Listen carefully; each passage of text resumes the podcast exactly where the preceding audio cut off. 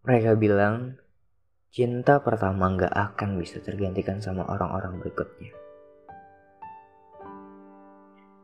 Lalu, bagaimana kalau kamu yang semestinya bukan cinta pertamaku, tapi berhasil menimbulkan pengaruh besar di kehidupanku?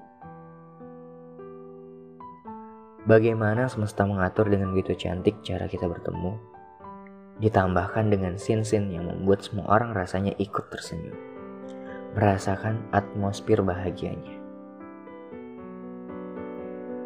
It's been a sick year. Banyak kata diksi yang sudah kutuangkan untuk menceritakan tentang kamu. Untuk memberitahu ke mereka betapa beruntungnya aku dan betapa riuh gemuruhnya yang kurasakan tiap kali kamu menyebut namaku.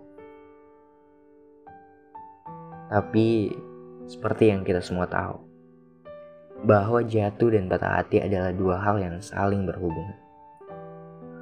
Selayaknya pasir yang membutuhkan ombak agar mereka bisa berderu jadi satu. Kamu menjadi satu yang membawa candu.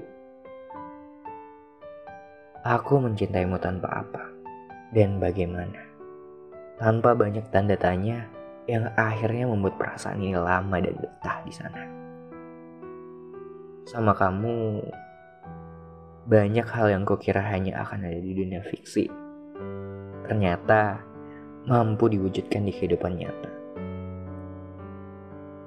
Benar bahwa ibarat sebuah cerita, maka kita sampai di kata di end dan titik akhir tanpa harus memulai paragraf baru lagi.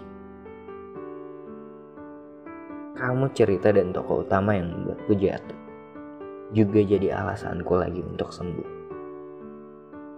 Walau bukan berakhir di tapi yang satu, seenggaknya kita pernah jadi dua pasang manusia yang saling menyembuhkan. Maka dari semua hal yang sudah dan belum terjadi, aku melepaskan. Aku lepaskan jangkarku di kapal ini. Agar kita bisa sama-sama berlayar lebih jauh lagi.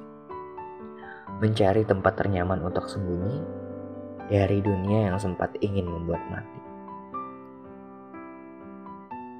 Jangan bertemu lagi. Turning pointnya sudah diganti. Dan aku nggak akan pernah ada di sini lagi.